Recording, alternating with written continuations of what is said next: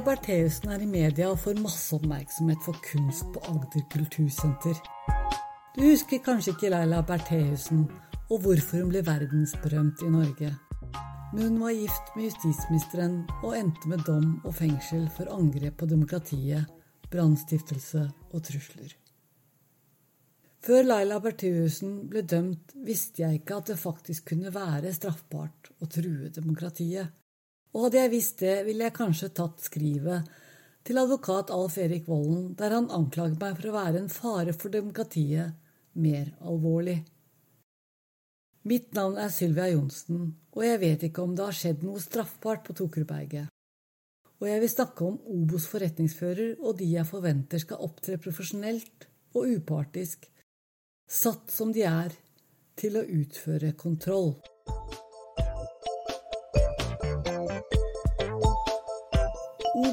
Norges største boligbyggelag, og det er bare naturlig ettersom de oppsto i kjølvann av arbeiderkamp.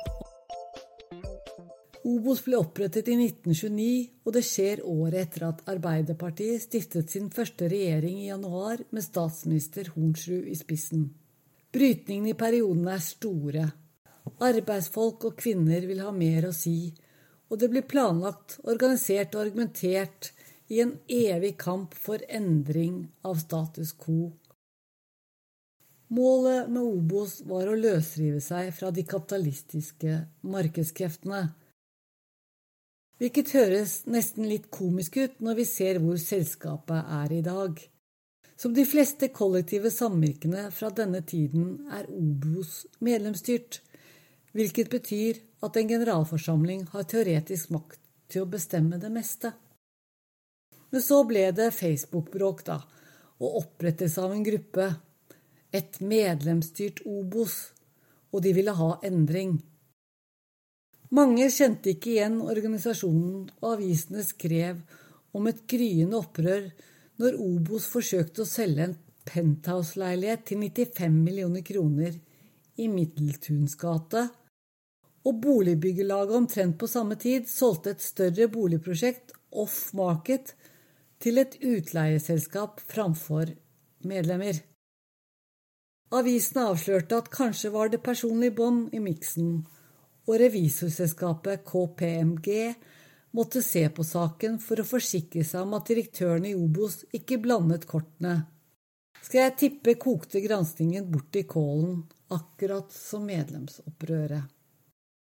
Administrerende direktør Daniel Kjøreberg Shirai kvelte effektivt misnøye ved at han først mobiliserer på e-post nok ansatte til å ha full kontroll i generalforsamlingen, med nok direktører i salen og et forslag fra ledelsen om opprettelse av et demokratiutvalg, endte ting som før. Demokratiutvalget i Obo skrev i rapporten de publiserte i perioden 2015-2020 var det mellom 81 og 151 delegerte som møtte på generalforsamlingen.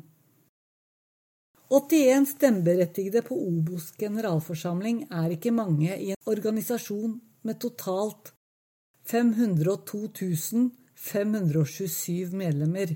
Når det er såpass få, er det lov å stille spørsmål med hvor demokratisk en organisasjon faktisk kan være, og med hvilken legitimitet bedriften tar de beslutningene de gjør. Året en Facebook-gruppe vil mobilisere, endte generalforsamlingen på 575. Dette var for øvrig første generalforsamling som ble gjort digitalt, men den store deltakelsen, og jeg sier det med et snev ironi, var nok like mye et resultat av konsernledelsens mobilisering blant egne ansatte, denne gang altså forkledd som delegater. Totalt 105 stemmegivere ville kaste konsernsjefen, og det er langt fra nok når administrasjonen talte før møtestart 117 ansatte, og NRK med litt uh, telling kom til at det var over 200. Når nesten hele Obo-styret, herunder alle ansattevalgte, stiller seg til rådighet som delegater, blir de valgt. Obo-styreleder Roar Engeland forklarte det på 2022-årsmøtet når han redegjorde for at styremedlemmer har møteplikt på generalforsamlinger. Det problematiske at møteplikt for et kontrollorgan blir kombinert med at disse velges med stemmerett i kontrollorganets votering, sa han ingenting om. Styreleder i Tokeråsen går til Obos for å leie møteleder som kan styre forsamlingen dit han ønsker, og det er kanskje ikke rart. Det er lange tradisjoner i Obos for å sikre vedtakene de ønsker, med kraftige virkemidler egnet til å kontrollere debatten før og etter valgmøtet. Ved utgangen av 2021 hadde Obos 2622 ansatte, hvorav 945 i Sverige. Boligbyggelaget, som ble opprettet som en kopi av den svenske modellen for kooperativt boligbygging, har etablert datterselskap i nabolandet, og det har også blitt skapt en rekke andre selskap i konsernet som tilbyr mer enn formidling, kjøp og salg av bolig, eiendom. Obos-banken, som startet sin virksomhet i 2013, er spesielt viktig i denne podkastepisoden. Et åpent sår og viktig spørsmål er om styreledere har tatt lån for å betale Selvåg prosjekt. Det er langt fra sikkert, for selv om styreledere utvilsomt har brukt penger på Selvåg prosjekt, så har Obos forretningsfører sagt det var feil som hun oppga i en e-post til seksjonseier 13.9.2021, da hun svarte på spørsmål om et lån. Teamleder skrev at lånet styret refinansierte hadde sin begrunnelse i bygging av ny parkeringsgarasje. Totalkostnaden for dette garasjehuset var 55 millioner kroner, og sameiets andel på en tredjedel er 18,3 millioner kroner. Jeg har fortalt i tre, episode tre om garasjehuset og hvordan Tokeråsens årsmøte på siste lovlige dato i året 2020 stemte ned vedtekter i et fjerde sameie på Tokerudberget. Dette er viktig fordi årsmøtet bekrefter et flertall på Rommen scene 23.10.2018, og samspillavtalen som falt i avstemming, ikke er gyldig. Jeg har fortalt i episode fire om hvordan advokater og styreledere opptrer som kuppmakere for Selvåg på Rommens scene og tiden etterpå, når de bruker flertallet de sier seg å ha. De kan ikke vente med å bevilge seg selv honorar i et interim garasjestyre. Vedtektene som mangler, planlegger de å snike inn, og lykkes delvis med det 2020, da Tokrulia gjør som styreleder Engelstad sier. Jeg har fortalt i episode syv om årsmøtet med en skjult agenda. Alt handler om å vedta vedtekter til garasjesameiet. Beslutningen om å starte byggeprosjektet er allerede tatt. Jeg har spekulert i episode fem og i hele serien om motivasjonen til kuppmakerne. Selvåg prosjekt er lett å mistenke for grådighet. Ivar Solvang er administrerende direktør og har oppgaven å generere mersalg. Direktør Ivar Solvang vil krone pensjonsalderen med et fyrtårnsprosjekt bygget på festetomten han har fulgt tett i tiår. Og når inkompetanse og regelrett luring ga han mulighet til å lyve og bløffe, tok han den. Jeg har fortalt i episode seks hvordan Norges rikeste blir rikere på vanlige folk, og hvordan Stovner med alle sine områder og 12 000 boliger er hjem til godt og vel 34 000 mennesker. Her er det mange av landets rikeste som har tjent penger på forretninger. I episode tre snakker jeg spesielt om ingeniør Olav Selvåg. Han etterlot en arv barnebarna driver i dag.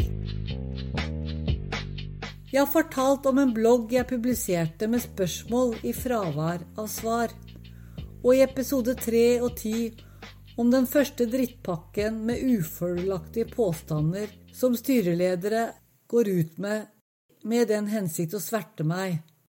Senere har styreleder og nestleder i mitt eget sameie tydd til flere uadresserte og adresserte drittpakker for å sikre egen makt. Styrets årsrapport foran årsmøtet 19.4.2022 vier et helt kapittel med tittelen Imøtegåelse av falske beskyldninger, hvor styret klager over en seksjonsseier som uten bevis har framsatt alvorlige beskyldninger og spredd informasjon. Jeg går ut fra at det handler om bloggen. Helt nøyaktig hva som er falskt og riktig, sier årsrapporten ingenting om, men det er alvorlige anklager styret sprer. Jeg skal kanskje være takknemlig for at de ikke bryter personvernet, slik styret gjorde året før. Da publiserte de informasjon fra styret 19.1.2021 og navngir og klager på tre seksjonseiere. Drittpakken til styret som henger meg ut i januar 2021, viser for de som tar seg bryet å lese den, at styreleder og nestleder i tillegg til å feile fullstendig hva som er greit å si og spre om egne seksjonseiere, nekter å forstå plan- og bygningsloven og problemet de har skapt når de gjennom hele 2021 betaler millioner av kroner i et håp om at Selvåg prosjekt uten gyldig kontrakt skal rive garasjehuset og starte bygging av et garasjeanlegg vi ikke trenger.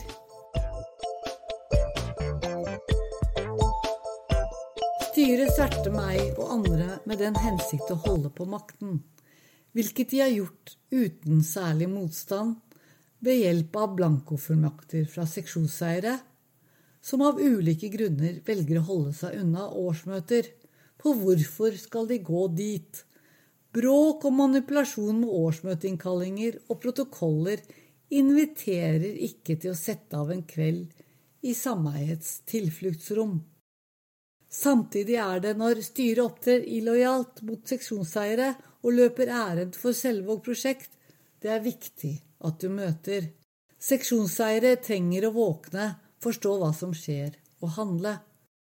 Publisering av en blogg er et ærlig forsøk på å formidle og lære opp tillitsvalgte og seksjonseiere i mulighetene og begrensningene i sameiedemokratiet. Etter at jeg publiserer bloggen er det først årsmøte i Tokrelia, og deretter dagen etter i Tokutoppen. Dato for årsmøtet i Tokeråsen blir kjent. Valgte dato er den siste lovgiver tillater, nemlig 30. juni 2020, langt inn i fellesferien, og dato inviterer knapt til oppmøte, hvilket en kynisk person kan tro er hensikten. Dette skal bli det første av tre årsmøter i Tokeråsen lagt til ugunstig tidspunkt og tilknyttet ferier. Neste årsmøte skjer 28.6.2021, mens årsmøtet som ble avholdt i 2022, legges til første dag etter påskeferien, den 19. april 2022. De seksjonseiere som ønsker å dra hjem fra hyttene sine, får en ekstra grunn til å bli værende på fjellet. Styret varsler nemlig at garasjen under blokkene stenges for spyling, og det er ingen steder de får parkere bilene sine. Det gjør at jeg nesten er overrasket når årsmøtet 2023, altså i år, det siste avholdt på Tokerøåsen, blir innkalt til 24. april, en helt normal og vanlig mandag. Og dagen er ikke tilknyttet en offentlig helligdag i Norge. Likevel, dersom seksjonseiere ønsker langhelg, så gjorde styret valget lettere for dem når de valgte å spyle garasjene de to dagene før helgen. Episoden handler kun i mindre grad om manipulasjon av sameiedemokratiet, som langt på vei er den mest alvorlige skade styreledere har påført. Jeg vet ikke hvor mye penger som er tapt, men den virkelige skade ville ikke vært mulig uten gode medhjelpere villige til å dekke over og skjule feilene deres.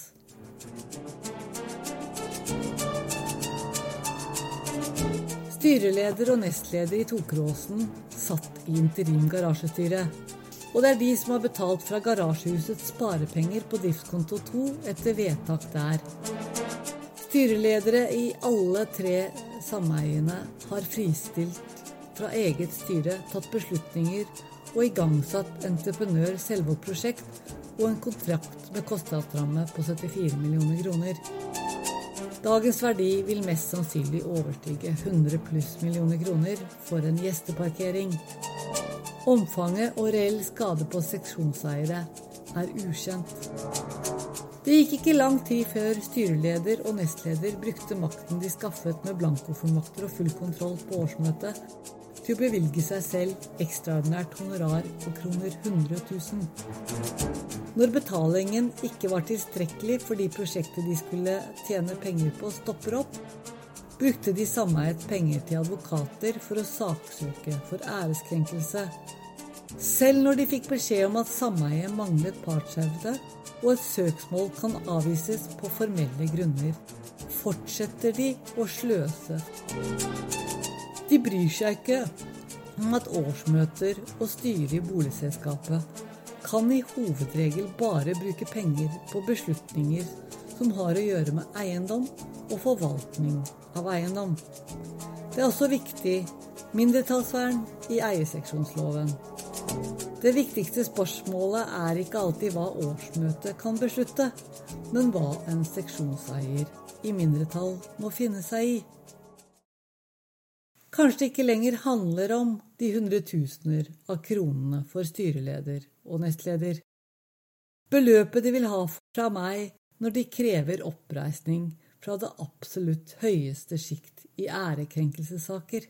Når styreleder og nestleder har betalt millionbeløp til Selvåg prosjekt, kan det være de ser på en utbetaling i størrelsesorden en halv million kroner til advokater som småpenger.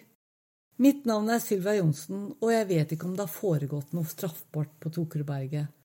Men styret har, etter at det ble inngått forliksavtale med meg, slettet fire år med sameiedebatt og gjort hva de kan for å skjule fortellingen om hva som skjedde. Jeg kan si i ettertid at søksmålet virker som et klumsete forsøk på sensur og klebling av en vanskelig kritiker. Jeg stilte spørsmål ved et prosjekt som kan koste seksjonseiere på Tokerberget 100 pluss millioner kroner, og det har aldri vært mer åpenbart enn i dag, når tiden går og pengene renner i strie strømmer til Selvåg prosjekt, at spørsmålene bloggen stilte, var betimelige. Men framfor å ta i tak i det og rette feil, valgte styreledere en strategi for å skjule og beskytte egne interesser, som synes ene og alene å være å sikre seg selv og sine betalte styreverv. Forliksavtalen ble inngått 16. mars 2023, og den er i dag rettskraftig. Alle parter signerte på en presisering av sakens innhold, debatten framover og betingelser for en liten oppreisningserstatning og saksomkostninger. Men det er et faktum at straks forliksavtalen er klar, går styreleder og nestleder til verks og sletter debatt fra de interne nettsidene på Vibo. Hele fire år med debatt. Alt blir sensurert på et par minutter. Debatt i skjuler for nye seksjonseiere og de som måtte komme etter. Historien de fjernet, forsvant for alle som vil søke bakgrunn når skadene fortsetter å plage seksjonseiere eller skape nye spørsmål. Garasjehuset står der, ubrukt og stengt etter at Oslo tingrett gjorde som styreledere krevde av hensyn for sikkerheten til de som ferdes i området. Episoden handler om Obos, en levning fra en tilbakelagt tid, og jeg vil snakke om hvordan organisasjonen har mistet fotfestet fullstendig fra hva som er deres egen historie. Jeg må konstatere at kontroller i praksis ser ut til å koke ned til sårbare øyeblikk i tid, nemlig årsmøtet der seksjonseiere må representere seg selv med den informasjonen de har tilgjengelig. Pulverisering av medlemsdemokratiet har skapt et monster med utallige datterselskap, der en direktøradel har tatt over og bestemmer alt som kan gi disse penger og fordeler. Et medlem stilte spørsmålet, helt uavhengig av juss foran medlemsmøtet, er det akseptabelt at Obos-direktører eier to sekundærboliger i en organisasjon som har som formål å skaffe bolig for å bo i til sine medlemmer. Han var en av mange hundre tusen medlemmer som ikke har råd til å kjøpe leilighet. Han påpekte det etiske problemet som oppstår når toppledelsen i Obos spekulerer i eiendom. Enten kjøper de sekundærboliger til å leie ut, eller kjøper de for barna. Obos skal være en organisasjon som har til formål å skaffe folk en bolig for å bo i. Tre styreledere på Tokerberget har signert med Selvåg prosjekt. Alle bruker Obos eiendomsforvaltning. Datterselskapet i Obos-konsernet leverer forretningsfører og regnskapsfører til de 633 seksjonseierne på Tokerudberget. Styreleder i Tokerudlia, Christian Engestad, tok skrittet å skifte forretningsfører ved årsskiftet. Sefbo forvaltning tok over 1.1 i år. Valget hans falt følgelig på et datterselskap i Selvåg-konsernet, og istedenfor Vibo har nå seksjonseier i Tokerudlia fått nettstedet Lettstyrt. Ny styreleder Alf Erik Volden har fulgt opp beslutningene til Engestad, og sameiets nettsider er etter at Volden tok over, satt inaktiv.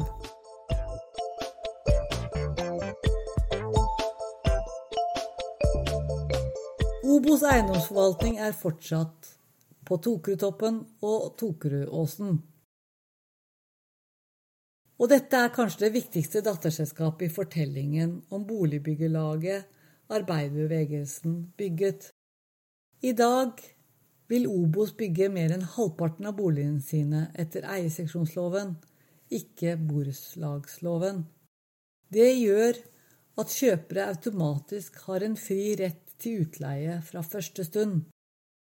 Obos skremmer ikke vekk spekulanter, tvert imot, de bidrar og deltar i en råtten spekulasjonsøkonomi skrudd for å holde boligprisene høyere enn de behøver å være, og gi inntekter til profesjonelle framfor bolig til de som trenger det.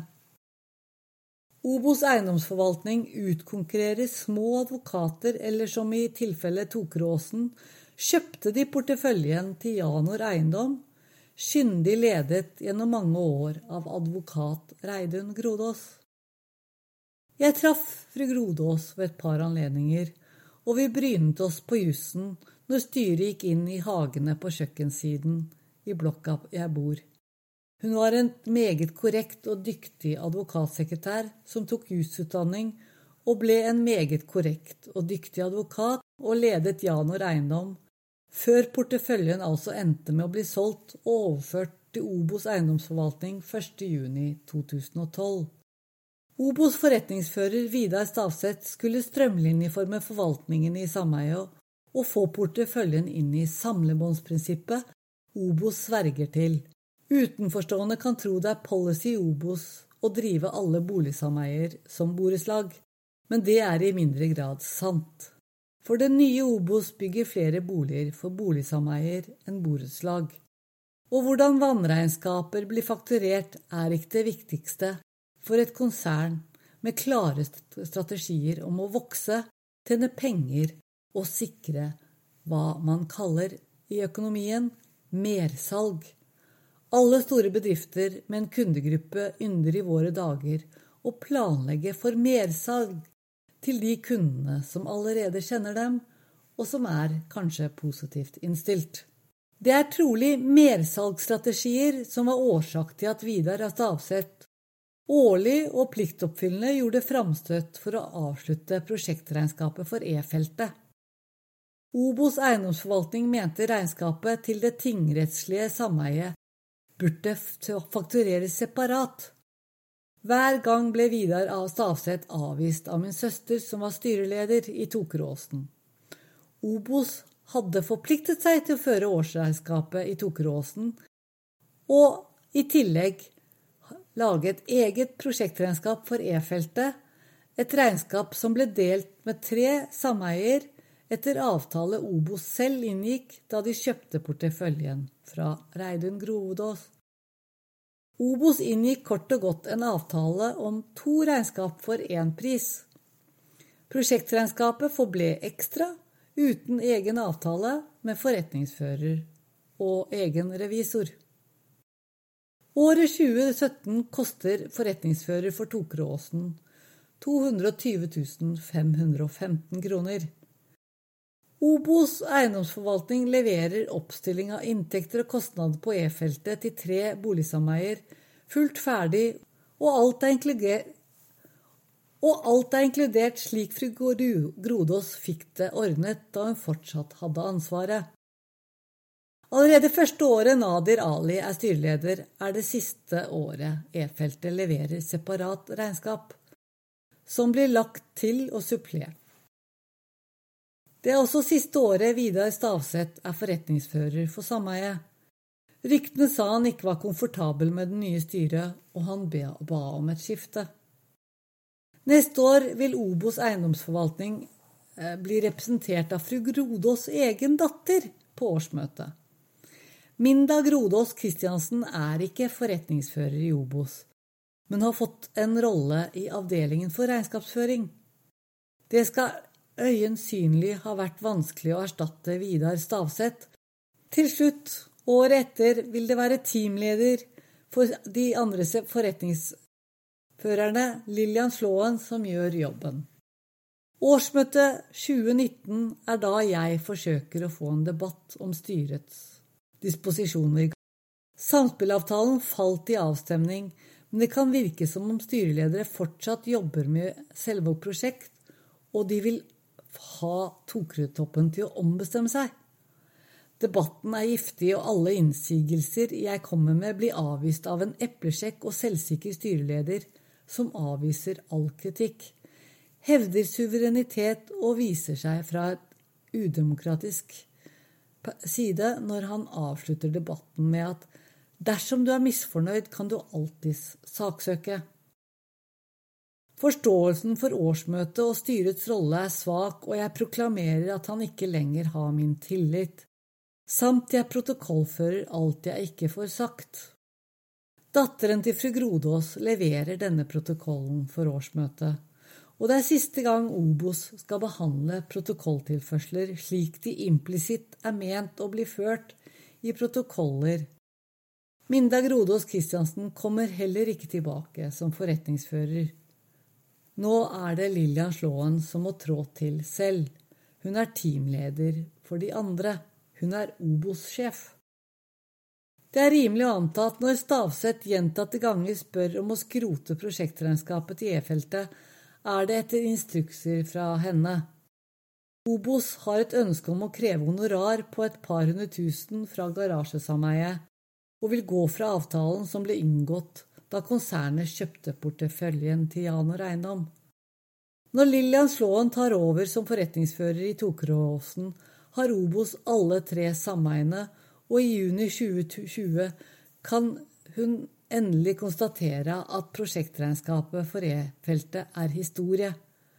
Nader Ali har akseptert at regnskapet ikke blir levert. Vedtektene styret ønsker, vil bety at styreledere kan inngå egen avtale med Obos om regnskapsføring og revisjon. Det første ordinære årsmøtet med Obos-sjefen som forretningsfører handler om vedtektene, og de blir nedstemt med god margin. Jeg var glad fordi nå kan styret fokusere på å løse floken og ta tak i realistiske løsninger.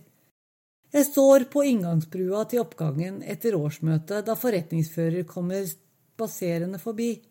Hun er på vei til bilen, jeg spør hvor hun har parkert, fordi jeg vil forsikre meg om at hun ikke står i garasjehuset, og få vite at bilen står på veien.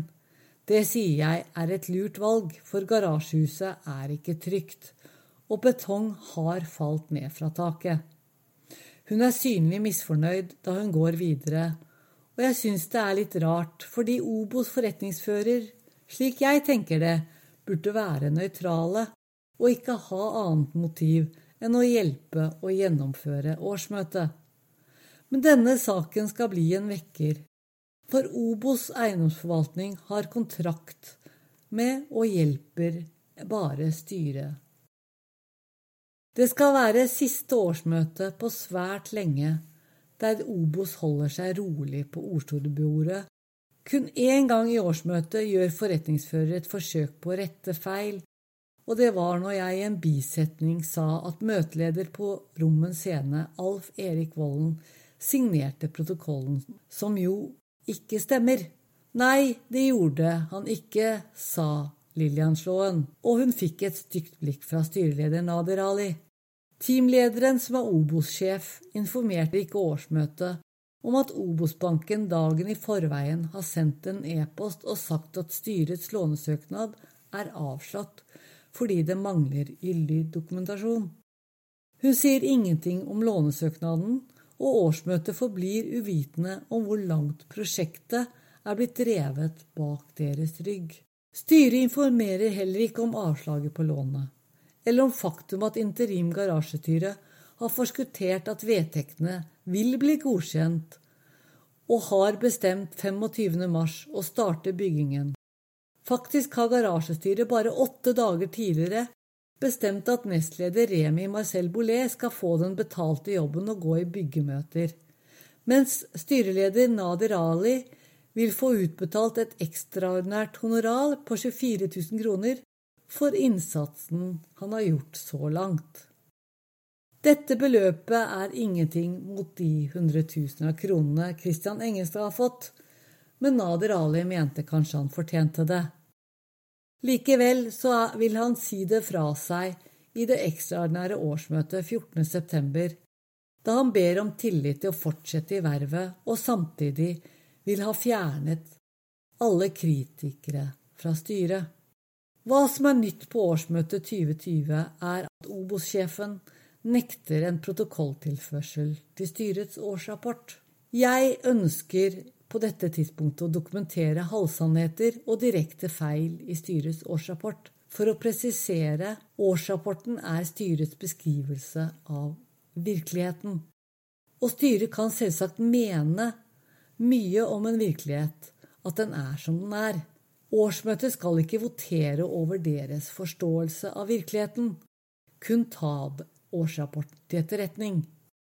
Men dersom styret sier feil ting, kan det faktisk være alvorlig og få økonomiske konsekvenser. Hva som er viktig, er at boligsameiet eier ikke våre leiligheter, de bare forvalter dem. Og dersom et flertall opptrer urimelig og påfører store kostnader på den enkelte seksjonseier uten å ha gyldig grunnlag for det, så må protokollføring være en saklig måte å gi en korreks på. Obos-sjefen vil imidlertid ha en avstemning om protokolltilførsel.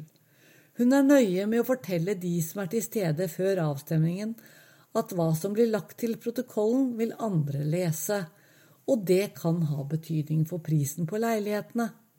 Og det stemmer jo, for protokollen blir levert i foretaksregisteret og er offentlig dokumentasjon der andre aktører kan sjekke styrets mandat og handlingsrom alt som blir avgjort i årsmøter. Sameie betyr at hver og en seksjonseier har et mindretallsvern. Flertallet kan ikke rotte seg sammen og bruke det hemmelighetsløst. Lån og forpliktelser styret inngår, kan ende som pant på hver enkelt leilighet. Denne saken har vist meg at Obos forretningsfører ikke er nøytral. De jobber for styret. Det er styret de skal hjelpe for å sikre gode beslutninger i tråd med lover og vedtekter. Og selv for meg er det uhørt på dette tidspunkt at styret ikke skal følge lover og vedtekter. Akkurat som det er en stor overraskelse når Obos-sjefen går til avstemning om det skal være lov å levere en protokolltilførsel. Jeg har vært politisk aktiv hele livet, og det tar jeg som en selvfølge. Styrets årsrapport er ikke en avstemningssak. Hvorvidt et mindretall, én, to seksjonseiere eller flere, vil si de er uenig med styrets beskrivelse av virkeligheten, er ikke det noe flertallet kan stemme over. Mindretallet må jo få lov til å si hva de mener. Forarbeidet til eierseksjonsloven sier at selvsagt kan den enkelte seksjonseier levere saklig protokolltilførsel investeringer på 100 pluss millioner kroner og svakt beslutningsgrunnlag for at informasjonsmøtet er vel innenfor og verdt en protokolltilførsel. Men Obos-sjefen, som er teamleder for andre forretningsførere i Obos, vil ikke akseptere en slik markering. Og jeg blir overrasket, såpass at jeg leser meg opp på eierseksjonsloven, forarbeidet etter for å finne reglene og forsikre meg om at jeg forstår protokolltilførsel riktig.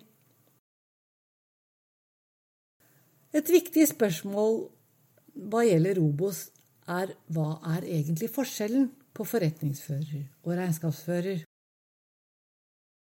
Forretningsfører har som regel høy kompetanse innen boligforvaltning, og fungerer altså som rådgiver for styret. En forretningsfører bistår styret ved planlegging, organisering og gjennomføring av årsmøter. Eierseksjonsloven paragraf 62 beskriver beslutningsmyndigheten til forretningsfører, og paragraf 62 tredje ledd sier Forretningsføreren kan ikke ta beslutninger eller handle på en måte som er egnet til å gi noen seksjonseiere eller utenforstående en urimelig fordel på andre seksjonseieres bekostning. Her kommer altså eierseksjonens gjennomgangstema tilbake, nemlig at de som representerer sameiet, kan ikke og skal ikke diskriminere mellom seksjonseiere og ta overskridende beslutninger som tilsynelatende tråkker på mindretallets rettigheter. Kort sagt, en seksjonseier må ikke finne seg i alt et flertall bestemmer, eller de som har makten bestemmer men det stemmer ikke. Avtalen Obos inngår, er med styret, og det er styret Obos skal hjelpe. Etter forespørsel vil ikke Obos engang utlevere avtalen de har inngått med styret, slik at seksjonseiere kan forstå bedre hva som er rammebetingelsen og hvilke regler Obos følger i sine forretningsforbindelser. Deres standardavtale for sameier er følgelig hemmelig. Jeg har i alle fall ikke fått den utlevert etter at jeg spurte. Kapittel 80 i eierseksjonsloven om forretningsfører oppgir at det kan ansettes en forretningsfører til å hjelpe styret, og for store sameier er det sterkt anbefalt, selv om det ikke er et krav. Det er ikke som i kapittel 9 om regnskap og revisjon. Og paragraf 65, som slår fast at sameier med 21 eller flere seksjoner må ha regnskapsfører og årsregnskap og årsberetning i samsvar med bestemmelser gitt i eller i medhold med regnskapsloven. Regnskapsfører hjelper styret med å kreve inn felleskostnader, regnskapsføring av inntekter og kostnader inkludert bistå med utbetalinger til vaktmester og styrehonorar, registrering av eierseksjoner når disse skifter hender, samt budsjett og plandokumenter til styret. Men hva gjelder budsjett, skriver altså revisor fra revisjonsfirmaet BDO, Hans Petter Urkedal, til årsmøtet 23.3.2018 at budsjettet i årsregnskapet ikke er med i grunnlaget de har revidert mulig fordi den er rasket sammen av Obos forretningsfører og styret i siste liten. Men denne setningen har fulgt årsregnskapet til Tokeråsen i årene etter 2017 til i dag. Budsjett og regnskap i samme periode viser store avvik, og det er tydelig ikke brukt som et styringsverktøy uten at alarmene går hos seksjonseiere på årsmøter av den grunn. Revisor Hans O. Petter Urkedal leverer en tresiders revisorerklæring. Neste år leverer Anders Godt to sider, og årets revisorerklæring fra Urkedal er kuttet så til det passer en A4-side, uten at det behøver å bety så mye. Kapitlet som utbroderer revisors oppgaver og plikter, er borte og erstattet med en lenke til nettsider og ettersom jeg ikke kjenner bransjen for revisjon spesielt godt, kan det like godt være uttrykk for at eh, kontrollere har blitt mer miljøbevisst de siste fire årene og vil spare papir. Obos eiendomsforvaltning leverer regnskapsføring, og regnskapsførere skal følge regnskapsloven og forskrifter. De har et ansvar for å levere etter god regnskapsskikk, hvilket innebærer at det bør være relativt enkelt å lese årsrapporter og regnskap for å få en forståelse av hva som skjer i sameiet. God regnskapsskikk er normbasert og kan variere, men det finnes grunnleggende prinsipper som gjelder overalt. Disse inkluderer krav til dokumentasjon, kontroll, sammenlignbarhet, konsistens og etterprøvbarhet. Jeg kan si fra hva jeg forsto i faget finansregnskap, at dersom det fra regnskapet ikke var mulig å se hva som skjer i sameiet, så er det ikke i samsvar med hva vi kan forvente av regnskapsfører. Året 2018 har sameiet i sum gjeld og pantelån litt under 26 millioner kroner. Seksjonseier har nettopp avsluttet betongrehabiliteringen, og det er kanskje ikke så rart. Deretter, når betongrehabiliteringen er over, så betaler vi rundt regnet 1,3 millioner kroner i 2019. Før Tokeråsen altså nedbetaler i ett jafs 12,6 millioner kroner på rør-til-rør-lånet i 2020. Samtidig oppstår et nytt lån i Obos-banken på 13 millioner kroner, som synes å gi styret et tilskudd de kan bruke på hva det enn måtte være. Operasjonen som styret i årene som kommer kaller en refinansiering, er aldri forklart.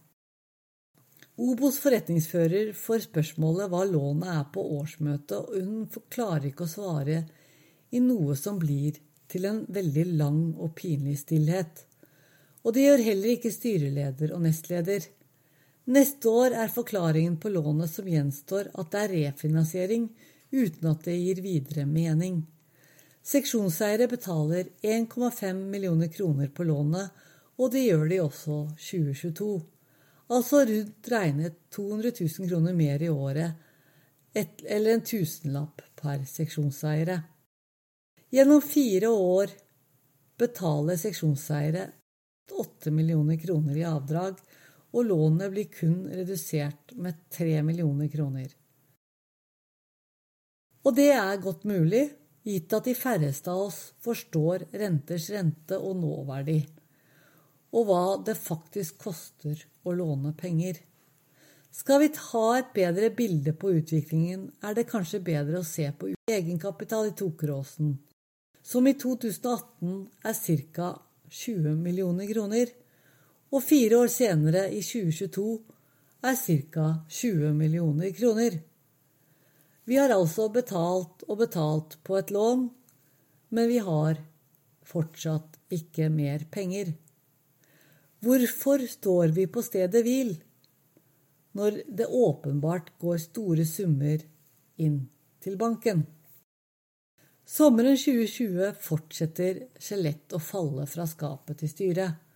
En kilde i et annet sameie gir meg tilgang til referater i garasjestyret, og det blir klart at det er utbetalt honorar og gjort vedtak om honorar til styremedlemmer i interim garasjestyre som ikke har mulighet til å gjøre sånne beslutninger.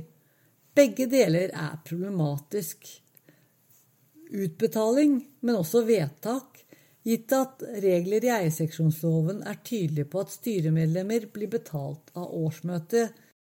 Prosjektet kommer også tydelig fram i referatene fra garasjestyret. Beslutninger er tatt bak seksjonseiernes rygg, og 20.07.2020 oppdager en nabo at Nadir Ali, som er styreleder i Tokeråsen, har signert en rammesøknad på vegne av, eller sammen med styreleder i Tokerulia, advokat Christian Engestad. Denne søknaden er levert til Oslo kommune, plan- og bygningsetat for arkivering under Tokrulias bruksnummer 9965, hvilket er veldig merkelig, og du må mistenke at styreledere her forsøker å skjule søknaden på nettsidene til et sameie som har langt mindre aktive seksjonseiere. Oslo kommune arkiverer likevel søknaden der den hører hjemme, på bruksnummer 9966, og katten er ute av sekken i Tokeråsen. Men ingenting skal stoppe styret fra å jobbe videre, og i september fjerner styret kritiske stemmer uten at det betyr mye, for like etter får Selvåg prosjekt kalde føtter og går fra avtalen i et brev 2.10.2020. Men Ivar Solvang klarer ikke å la være å varsle erstatningskrav, og entreprenøren fortsetter å gjøre oppdrag for styret når styreleder tøffer seg tilbake. Selvåg prosjekt jobber videre, og det snakkes om at entreprenøren skulle starte riving våren 2021 og høsten 2021, uten at det skjer. Jo da, jeg var forberedt på at Obos-sjefen ville strekke seg langt for styret, både før og under det ekstraordinære årsmøtet 14.9.2020. Teamlederen støtter aktivt styreleder gjennom en rekke e-poster som avslørte at hun stilte seg 100 bak regimet, og åpenbart har høye forventninger til prosjektet. Et nytt sameie, en ny kunde, mer regnskapsføring og dyre prosjekter. Det var ingen nøytralitet å spore fra Obos-sjefen. Hun tok med seg til møtet Trond Sæter, en profesjonell møteleder Obos bruker for å kvele motstemmer og hindre debatt. Han gjorde jobben helt utmerket. Sæder ledet det ekstraordinære årsmøtet, og Obos-sjefen førte protokoll. To ganger tok hun seg likevel tid til en pause og reiste seg for å forsvare styreleder i et møte der agenda kun er valg av tillitsvalgte. Teamleder for Obos forretningsførere er en Obos-sjef som går inn i rollen ingen av hennes undersåtte vil ha for sameiet. Hun har åpenbart trua. Hun vil rydde der andre ikke har klart det før. Hun vil veilede styreleder som verken er utstyrt til å forstå formalia eller sine egne begrensninger. Kanskje fordi han ikke er den type mann. Nader Ali respekterer ikke demokrati lover og regler, men tror det er et verktøy han kan forme etter eget hode. Han tar ikke råd fra andre når han tror det er en annen vei som kan være til hans fordel. Og posøren i han er altfor glad i fasaden det er å være styreleder. Jeg vil heller ikke undervurdere pengene som blir utbetalt i styrehonorar, for han har blitt småbarnsfar, og likevel lar han seg velge til et nytt styrelederverv i Karihaugen park, som om han har tid til det. Obos-sjefen blir en formiddag i august 2020 kontaktet av min søster og ferskeste styremedlem i Tokråsen. Vivian har fått vite fra referatene fra interim garasjestyre at styreledere bevilger seg selv honorar fra driftskonto 2. Obos-sjefen kunne ikke avsluttet samtalen raskt nok, og allerede samme kveld stilte Nader Ali mistillitsforslag mot Vivian og et varamedlem, og det var disse to og et tredje varamedlem som ble fjernet i det ekstraordinære årsmøtet 14.9., der altså forretningsfører tar ordet og forsvarer styreleder. Ingen diskuterer hvordan Obos-sjefen og forretningsfører faktisk har håndtert noe som må anses å være et internt varsel om urettmessig honorering. Styreleder erklærer altså mistillit samme kveld. Men det gjorde også mindretallet i styret. Den motsatte vei. Siden årsmøtet i juni 2020 har det blitt åpenbart at styret ignorerte advarsler, fortsatte å presse på et prosjekt og en ikke gyldig avtale. Gap mellom de som har jobbet med prosjektet og de som er skeptiske til samspillavtalen, er for stor. Styret vedtok derfor enstemmig. Styrets medlemmer i Tokeruåsen boligsameie er enig i at styret ikke fungerer. Det vedtas derfor at det gjennomføres ekstraordinært sameiermøte mandag 14.9 klokken 18 for å informere seksjonseierne og gjennomføre valg til styret. Styreleder finner egnet sted. Bomberommet og Fossum kirke er foreslått. Men når styreleder og nestleder etter styremøtet blir klar over at dette vedtaket slår tilbake på dem like mye som det slår tilbake på mindretallet, velger de å skrive sin egen innkalling til årsmøtet som befester de mange påstandene gikk på dørene og fortalte til seksjonseiere. De samlet inn et dominerende antall fullmakter og har fullstendig kontroll når Obos-sjefen, som åpenbart har sviktet sin behandling av varslere, ikke nøler med å stille seg bak dagsorden og lar styret publisere den hellers pinlige innkallingen. Obos-sjefen bidro med profesjonell møteleder og tok ordet for å støtte dem når valget var proforma, etter at de satt der med 70 blankofullmakter. En eller annen gang etter det ekstraordinære årsmøtet får styret et lån fra Obos-banken, til tross for at de ikke kvalifiserer etter bankens vanlige kvalitetskriterier. Og hvorfor det skjer, er også et spørsmål. Hvilken rolle har teamleder i Obos eiendomsforvaltning i dette, da banken åpenbart snur? Det var hun som fikk beskjed om avslaget, og hva jeg mener å vite i ettertid, er at det likevel er inngått en avtale med banken. Men jeg er ikke sikker, for Obos-sjefen har senere i årsmøtet nektet for at styret tok et lån. Et lån på 18,3 millioner kroner er ikke billig.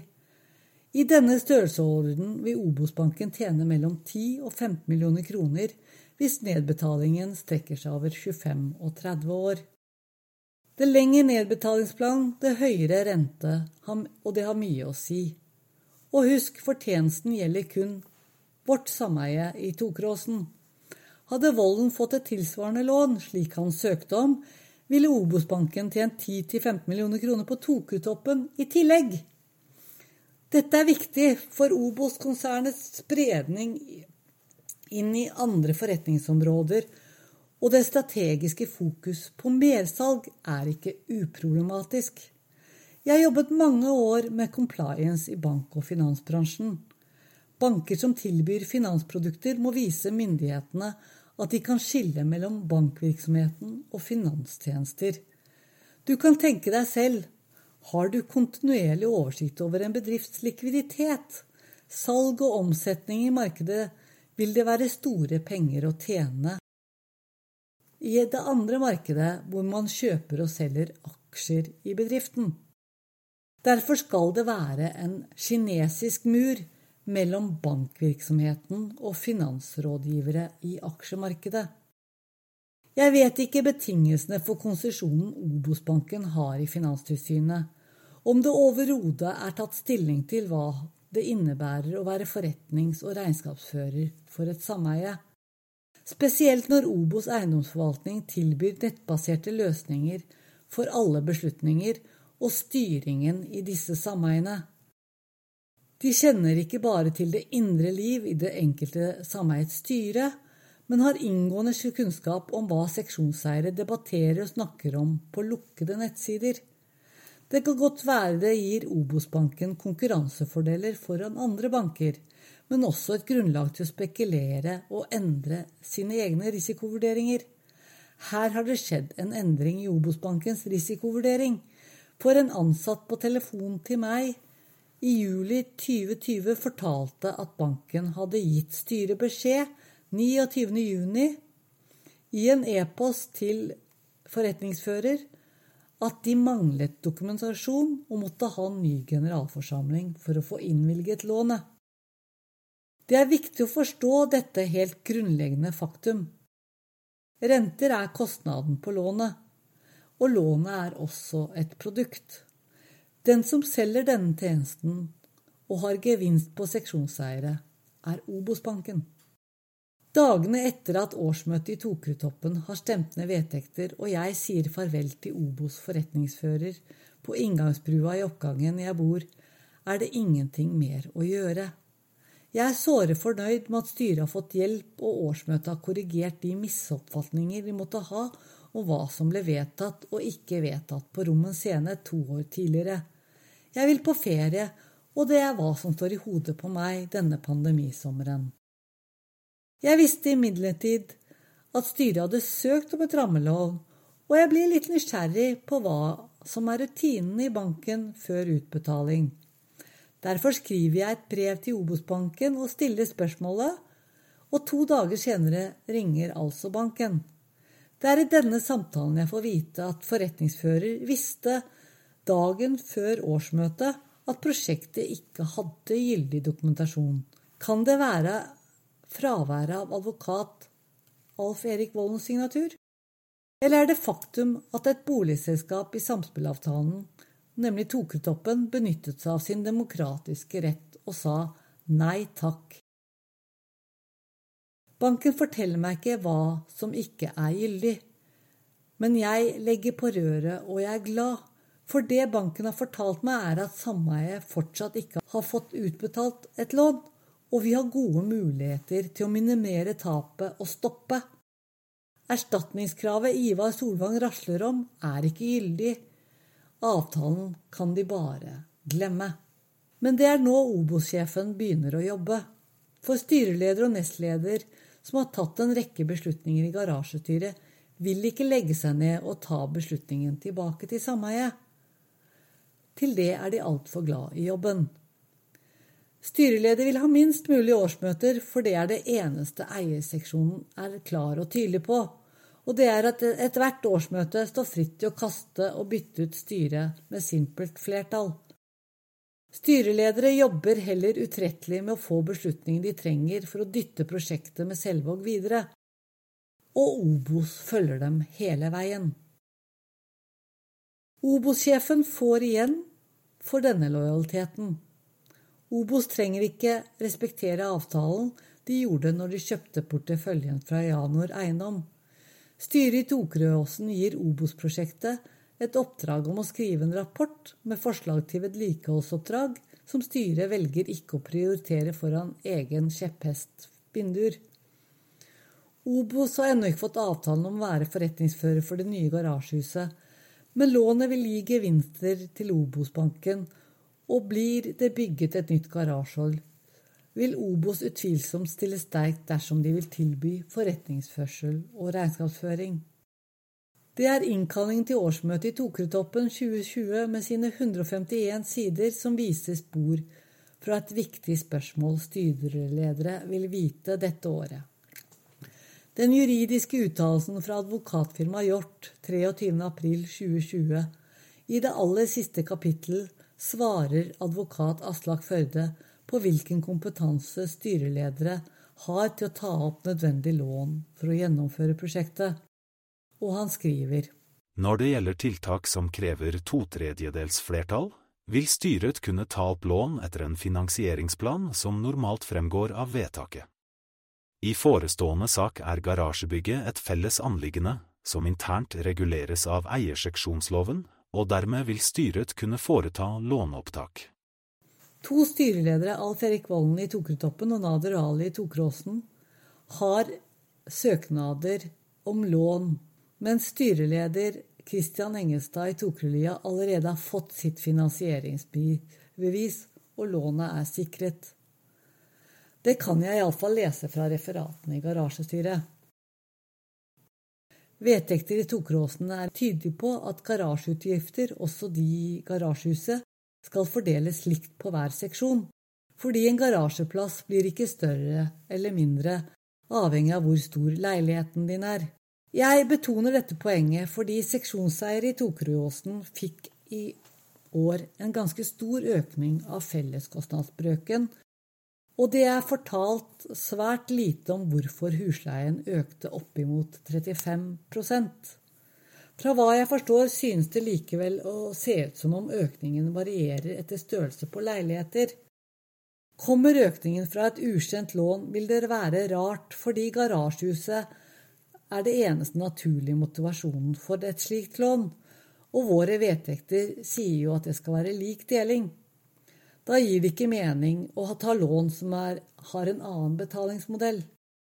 Men altså, styreleder har bevist før, og jeg snakker jo om det i episode nummer seks, at han ikke helt forstår lånebetingelser, nåverdi og hva man egentlig betaler for når man inngår en avtale med banker. Det er nok ikke mulig å begi seg inn i, for dypt i spekulasjoner om det er et lån eller ikke, om det eksisterer, for sannheten er at seksjonseiere har etter fem–seks år med hemmelighetskremmeri fra styret svært lite kunnskap om hva som skjer og hvorfor det skjer.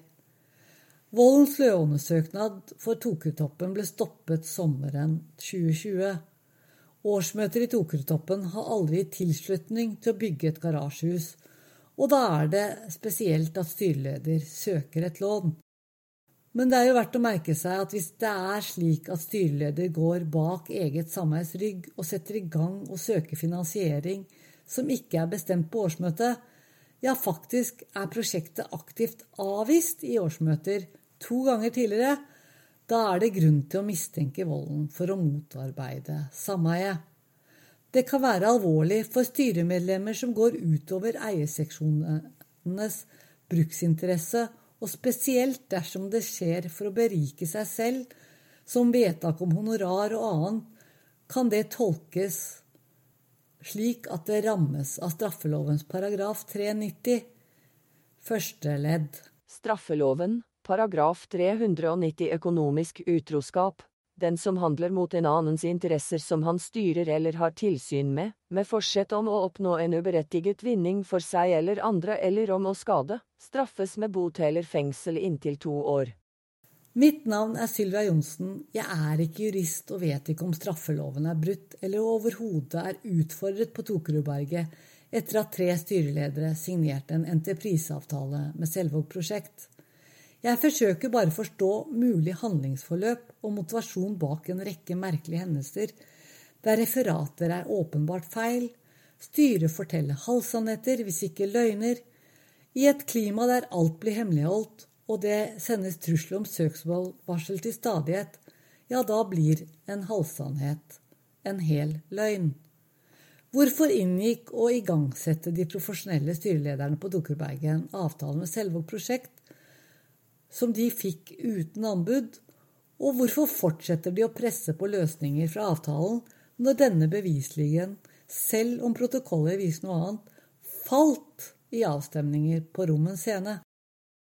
Det er først på årsmøtet 28.6.2021, et år etter styrets villfarelser om hva de kan bestemme og gjøre, har slått rot at Tokeråsen ser spor etter prosjektet i form av et lån som dukker opp i regnskapet, som vi ikke har sett før.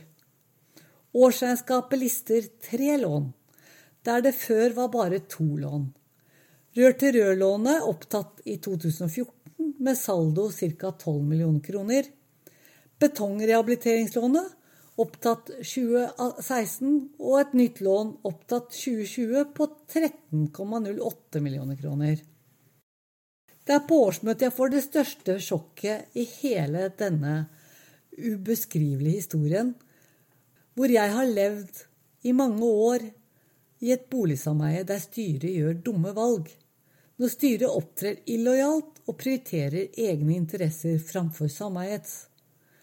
Lånet i regnskapet er ikke en tredjedel av 55 millioner kroner, altså 18,3 millioner kroner. Beløpet er 13,08 millioner kroner og gir egentlig ingen mening.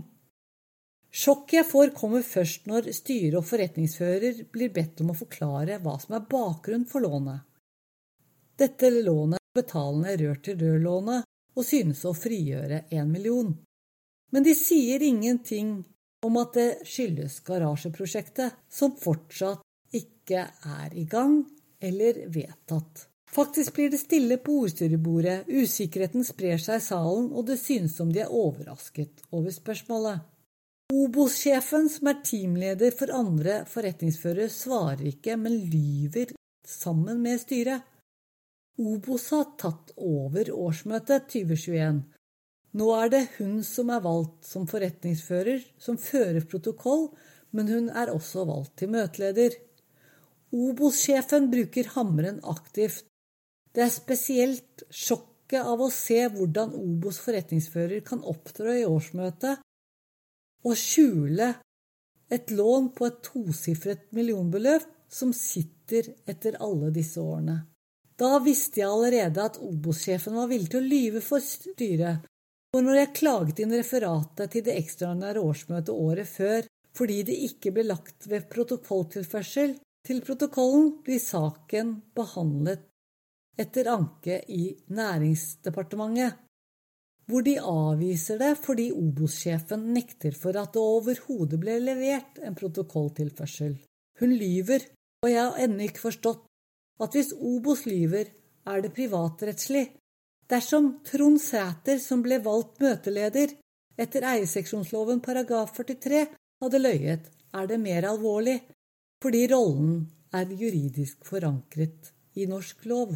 Men verken jeg eller departementet krevde en uttalelse fra møteleder. På meg er Obos Obos, og det er først når departementet lar være å ta en beslutning fordi det er privatrettslig, altså ord mot ord, en uenighet jeg forstår betydningen av løgn. Å si konflikten er privatrettslig er det samme som å si at du kan saksøke, og det er alt du kan gjøre. Likevel er det et sjokk å se løgn ansikt til ansikt i et årsmøte når forretningsfører og styre får spørsmål om hva dette lånet er for noe. For denne løgnen handler om penger, kroner og øre. Millioner av kroner og fare for pantegjeld på den enkelte seksjonseiers leilighet. Seksjonseier Jan Berg kontakter utover høsten Obos for å få et svar om lånet, og det er en e-post fra Opos-sjefen nesten tre måneder senere hun endelig svarer. I søknaden til banken fremgikk det at lånet gjaldt bygging av ny parkeringsgarasje sammen med naboselskapene Tokerud-Toppen og Tokerud-Lia. Total kostnad 55 millioner, hvorav Tokerud-Åsens andel er 18,3 millioner. Neste årsmøte er det igjen to lån i balansen, listet i note 20. Obos-sjefen fortsetter regimet der hun har tatt over årsmøtet og lar seg velge til både møteleder og fører av protokoll. Når hun får spørsmål fra salen om e-posten til seksjonseier Jan Berg, husker hun ikke helt hva hun sa i e-posten, men det er ikke tatt et lån for å bygge garasjehus. Lånet som er oppgitt på 13 millioner fra 2020, er en refinansiering, og ingen i styret kan eller vil fortelle hva som er bakgrunnen for det. Obos-sjefen svarer på vegne av styret i de fleste saker, nekter protokolltilførsler og insisterer på en rekke lovtolkninger som legger føring på hva årsmøtet kan gjøre. For eksempel når jeg, etter å ha innsett at underskuddet i regnskapet begynner å bli stort, foreslår at sameie og årsmøtet skal utløse ansvarsforsikringen for styret. Forsikringsselskapet vil da komme inn, men det åpner selvfølgelig en fare for regress. Obos-sjefen nekter for at dette er noe årsmøtet kan vedta. Hun sier at det må styret vedta selv. Obos-sjefen har også begynt å dumpe informasjon på sameiet som gir lite mening. Innkallingen på 97 sider i 2022 er det merkeligste. For her er vedlegget lengst bak teksten i samspillavtalen fra 2018. Årsmøtet får aldri en forklaring, den bare ligger der, fire år gammel avtaletekst. Årsmøtet det siste Obos-sjefen leder før hun slutter i Obos, er det åpenbart at det er viktig å informere seksjonseiere skriftlig og ha ryggdekning for alt hun har gjort. Og jeg kan fortelle om Obos-sjefens rabling foran årsmøtet i 2022 er at det går langt over hodet på de fleste seksjonseiere der. Og hvis hun ønsker å rettferdiggjøre tidligere handlinger og sjekke seg selv ut av saken, så er jeg litt i tvilende om det er mulig. For historien er som historien har blitt. Det ville ikke gjort en forskjell hva årsmøtet hadde besluttet, for styret stilte igjen med dominerende antall fullmakter, og den ene av to protokolltilførsler jeg leverte, forteller annet at styremedlem Umar Ali fikk godkjent en fullmakt sendt på SMS rett før møtestart. Min andre protokolltilførsel var til styrets vedtak om å gi Nadir Ali og Remi Marcel Bollet et ekstraordinært honorar uten skjellig grunn. Og typisk for Obos-sjefens måte å styre årsmøtet, så er det ingenting styret gjør som kvalifiserer til merkelappen feilinformasjon, og således vil trigge Obos eiendomsforvaltnings ansvar som regnskapsfører. Løsningen er heller å referatføre alt slik at protokollene fra Tokeråsen vokser fra én til to sider, til å bli tosifret antall sider som drukner i tekst og gjør det heller uklart hva årsmøtet egentlig vedtar. Obos-møteleder Trond Sæther fra det ekstraordinære årsmøtet var tilbake i 2023. Dette er åpenbart mannen Obos tyr til for å kontrollere vanskelige forsamlinger. Regnskapet viser fortsatt ingen spor etter et ukjent lån, jeg har grunn til å tro at det finnes en ukjent avtale med Obos-banken likevel. Styreleder brukte jo som sagt den beryktede advokat Per Danielsen for å starte søksmål mot meg for æreskrenkelser, noe jeg jo snakker om i episode ti. Under kapitlet om at det er foretatt ugyldig låneopptak og de rettslige betraktningene rundt påstanden jeg der kommer med, forteller Per Danielsen, eller han skriver om hendelsen jeg har nevnt på Vibbo, nemlig den der jeg forteller om samtalen på telefon med Obos-banken, og hvordan de redegjorde for en e-post sendt til forretningsfører 29.6.2020. Per Danielsen skriver i søksmålvarselet om denne påstanden om et ugyldig lån og utdelt finansieringspris. Styret har ikke mottatt ovennevnte varsel fra Obos, og har heller ikke bedt om å få lånet utbetalt. Styret har fått et finansieringsbevis. Advokaten bekrefter altså at styret har fått et finansieringsbevis, og det har jeg grunn til å tro er på samme beløp som Tokrulia, nemlig 18,3 millioner kroner til bygging av garasjehus.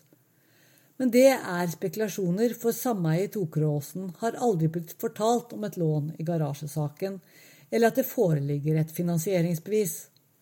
Obos-sjefens e-post til Jan Berg september 2021, som hun benektet innholdet i, blir nok en usikker kilde, men den gikk til en seksjonseier, akkurat som søksmålvarselet fra Per Danielsen gikk til meg.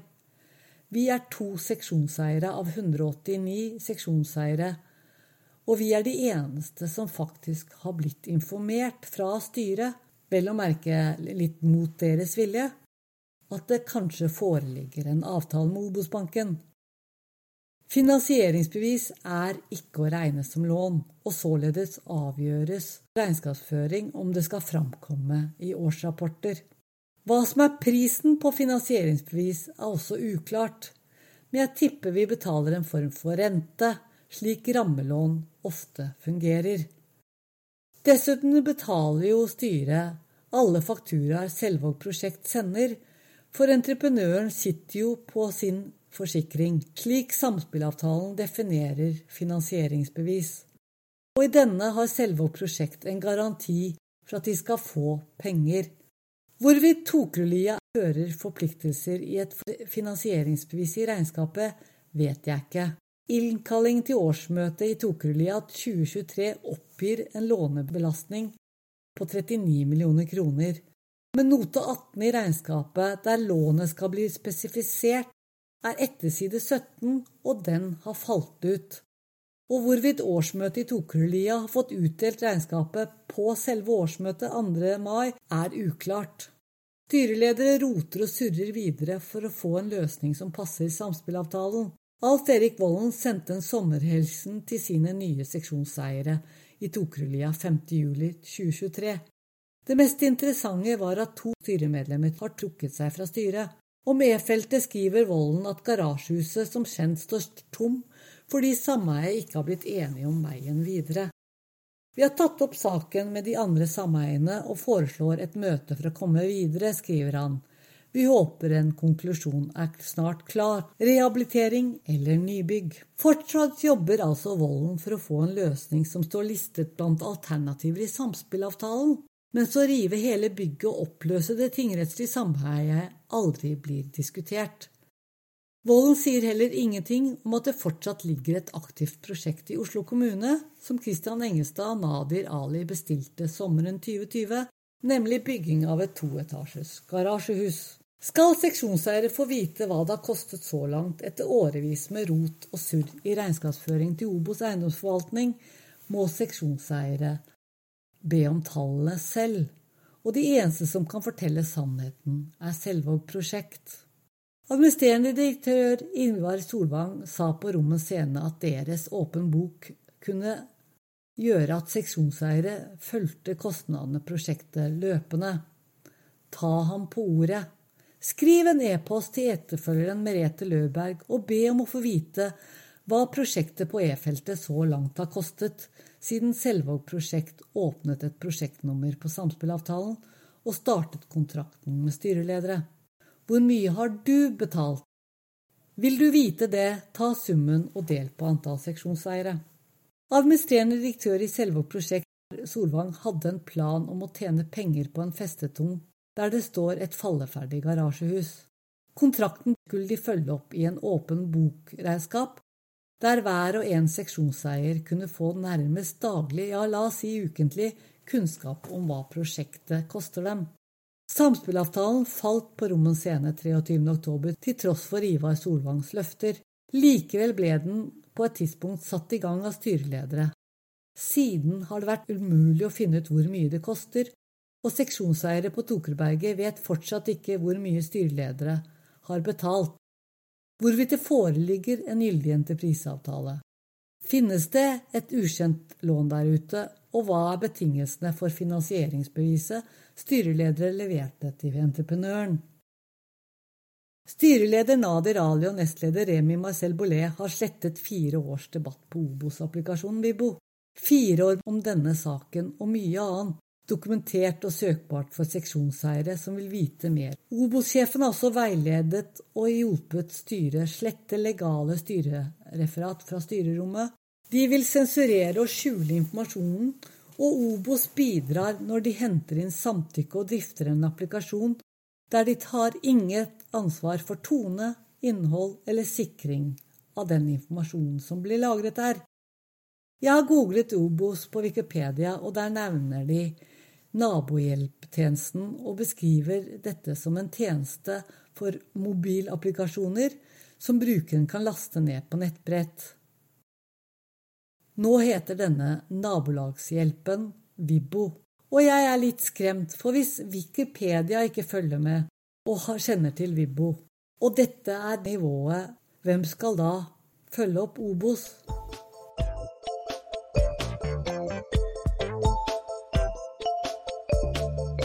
Vi nærmer oss veis ende av podkast, og den neste episoden skal kun runde av et mysterium som ikke ser ut til at vi kommer til bunns i med det første.